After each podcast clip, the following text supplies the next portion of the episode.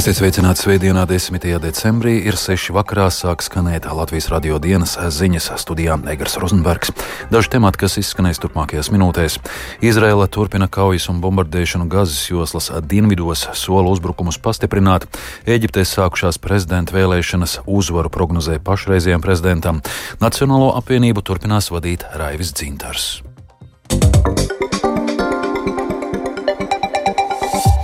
Izraēlas armija vairākās vietās Gazas joslā turpina cīņu pret grupējumu Hamas, ko ASV un Eiropas Savienība uzskata par teroristisku.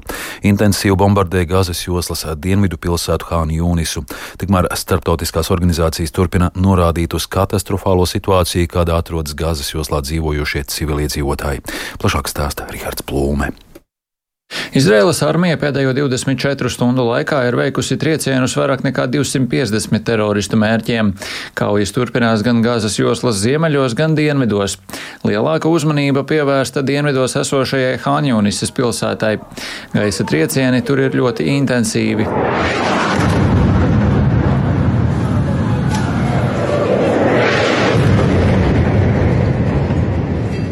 Kaujas ar teroristiem notiek arī pilsētā un tās pievārtē. Izraēlas armijas karavīriem dodoties no mājas uz māju. Izraēla pavēlējusi civiliedzīvotājiem atstāt pilsētas centru. Sagaidāms, ka uzbrukuma intensitāte tikai pieaugs. Viens no Izraēlas armijas ģenerāļiem izteicies, ka redzamas Hamas sabrukšanas pazīmes, tādēļ aicinājis karavīrus pastiprināt uzbrukumu spēku.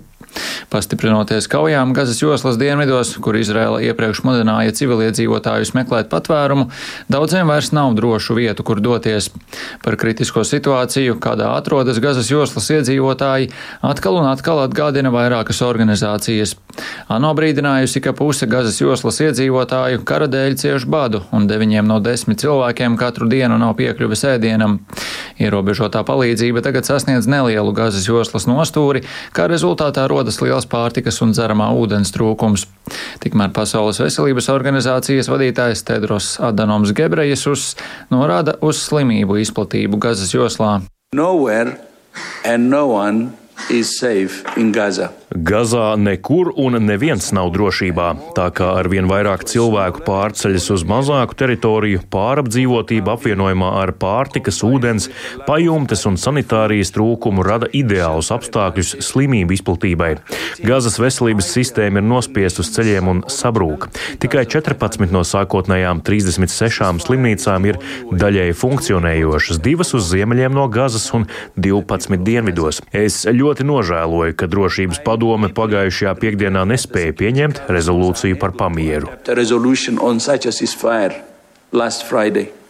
Piektdien ANO drošības padome nespēja pieņemt rezolūciju par pamieru Gazas joslā, un tas notika ASV uzliktā veto dēļ.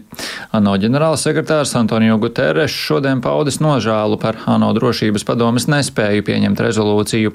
Viņš uzsvēris, ka drošības padomi paralizē ģeostrateģiskās domstarpības, kas kavē rast risinājumus Izraēlas un Hamas karam. Viņš ir pārliecināts, ka ANO drošības padomes autoritāti un uzticamību nopietni iedragāja tās novēlotā reakcija uz uz konfliktu. ANO ģenerālsekretārs gan negrasoties atmest cerības un turpinās cīnīties par pamiera panākšanu. Arī Katara šodien paziņojusi, ka turpinās centienus izdarīt spiedienu uz Izraelu un Hamas, lai noslēgtu pamieru, neskatoties uz to, ka izredzes uz tā panākšanu samazinās. Rihards Plūme, Latvijas radio. Eģiptē šodien sākušās prezidenta vēlēšanas, kurās visticamāk uzvarēs un trešo termiņu pēc kārtas valsti vadīs pašreizējais valsts galva Abdel Fatahs al-Sisi. Eģiptes ekonomika joprojām ir krīzē, cilvēktiesību situācija ir briesmīga un joprojām notiek vēršanās pret opozīciju, tomēr vēlēšanas notiek laikā, kad Gazas joslā notiek karš un starptautiskā sabiedrība tagad uz Eģipti raugās kā uz uzticamu politisko partneri reģionā, starpnieku un humanās palīdzības preču piekļuves punktu palestīniešiem. Tas veicinājis al-Sisi Tunisijas starptautisko un vietējo reputāciju pirms vēlēšanām, tā uzskata arī žurnālists Halits Davuds.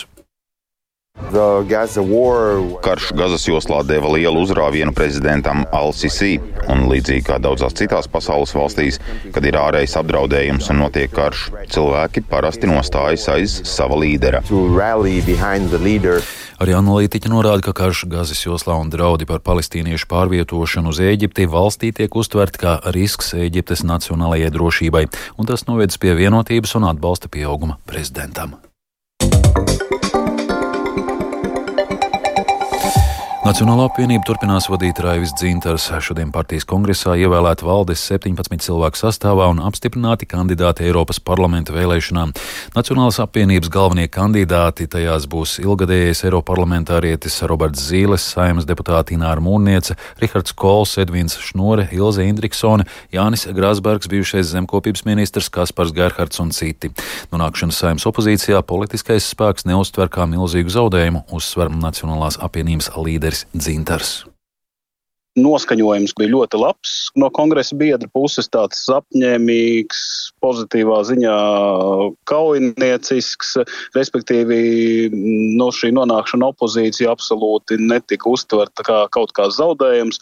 Viena no domām, kas visbiežāk izskanēja, ka Latvijas politikā Nacionāla apvienībā ir misija, Latvijas, Latvijas un no nacionāla interešu aizstāvības jautājums, tas ir mūsu biedriem vienojošais, ka pārliecības un deksmes jautājums Latvijas politikā pie varas ir nākušas politiskās organizācijas ar klāju atšķirīgu pārliecību.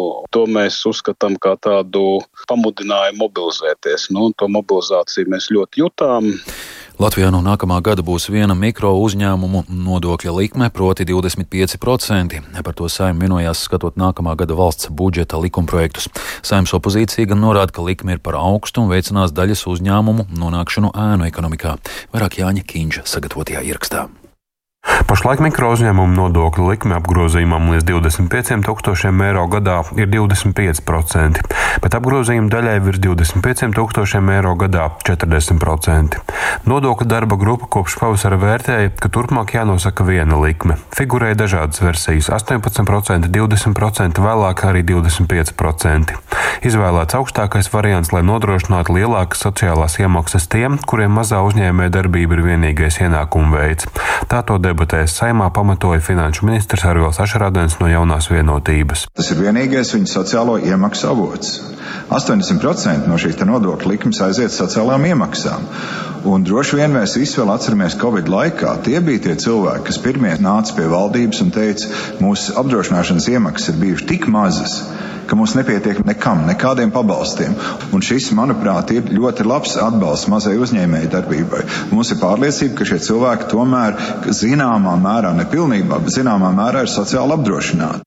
Mikro uzņēmumu nodokļu maksātāju skaits Latvijā četru gadu laikā ir sarucis. 2019. gada sākumā tie bija 42 tūkstoši, bet šā gada oktobrī apmēram 9200, liecina valsts ieņēmuma dienesta apkopotie dati. Lai novērstu bažas par daļas mazo uzņēmēju nonākšanu ēnu ekonomikā, saimnes opozīcija iesniedz divus identiskus priekšlikumus - noteikti mikro uzņēmumu nodokļu likmi 18% apjomā. Šo ideju pamato Artūrs Butāns no Nacionālās apvienības pamatā, ja mēs runājam par uh, mājražotājiem, amatniekiem, arī radošajiem personām, kas izmanto šo režīmu, katrā gadījumā labāk, lai tas nodoklis ir mazāks. Jā, arī sociālās iemaksas labāk, lai ir mazākas, bet viņas ir nekā viņš ir ēna ekonomikā, un tad jau tās sociālās iemaksas nav nekādas. Ja. Pamatoti var teikt, jā, ka šis mikro uzņēmuma režīms ir izmantots varbūt nu, mērķim neatbilstoši, varbūt optimizējot nodokļus, koalīcijas pārstāvji minēja taksistus un kaut kādus restorānus, ja, kas izmanto šo režīmu.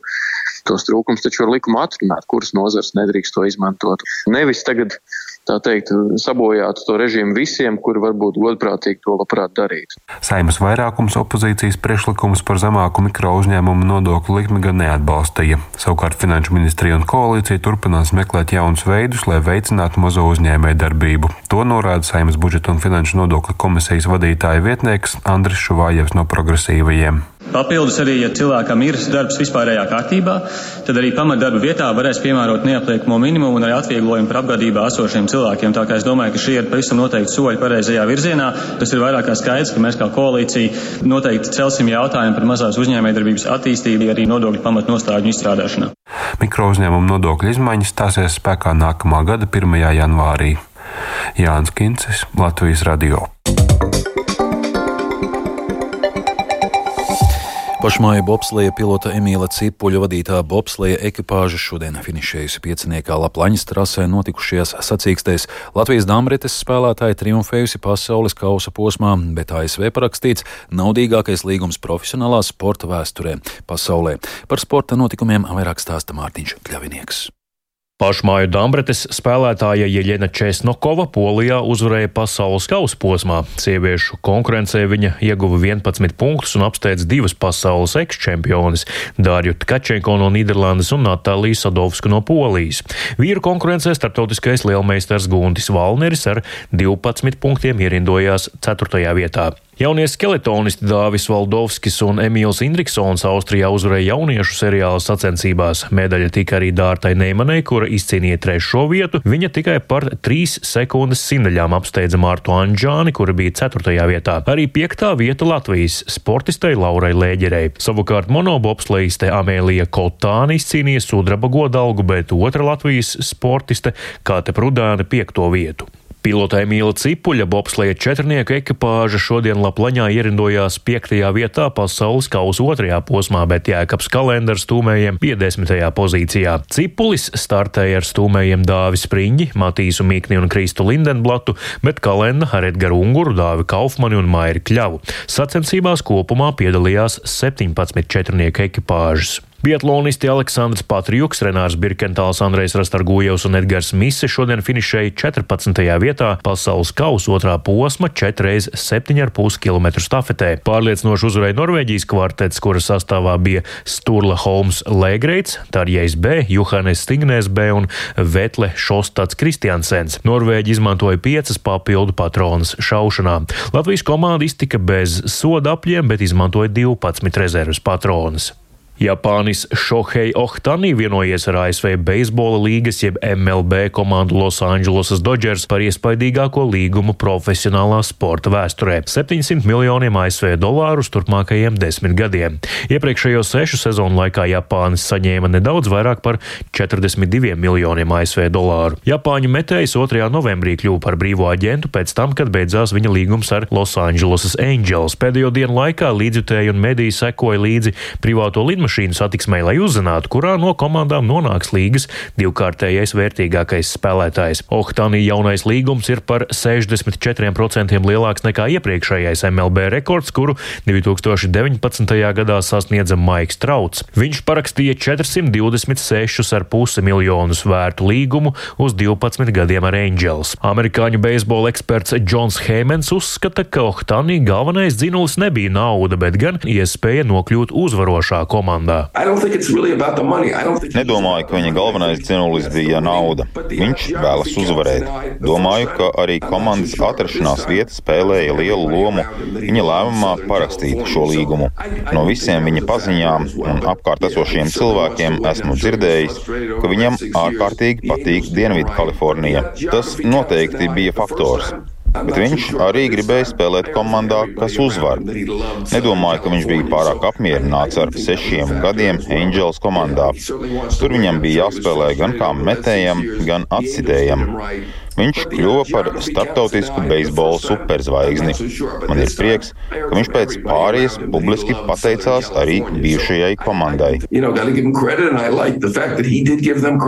Dodgers jauno sezonu sāks 20. un 21. martā Seulā. Septiņkārtajā līgas čempioni savu pēdējo pasaules sērijas titulu izcīnīja 2020. gadā.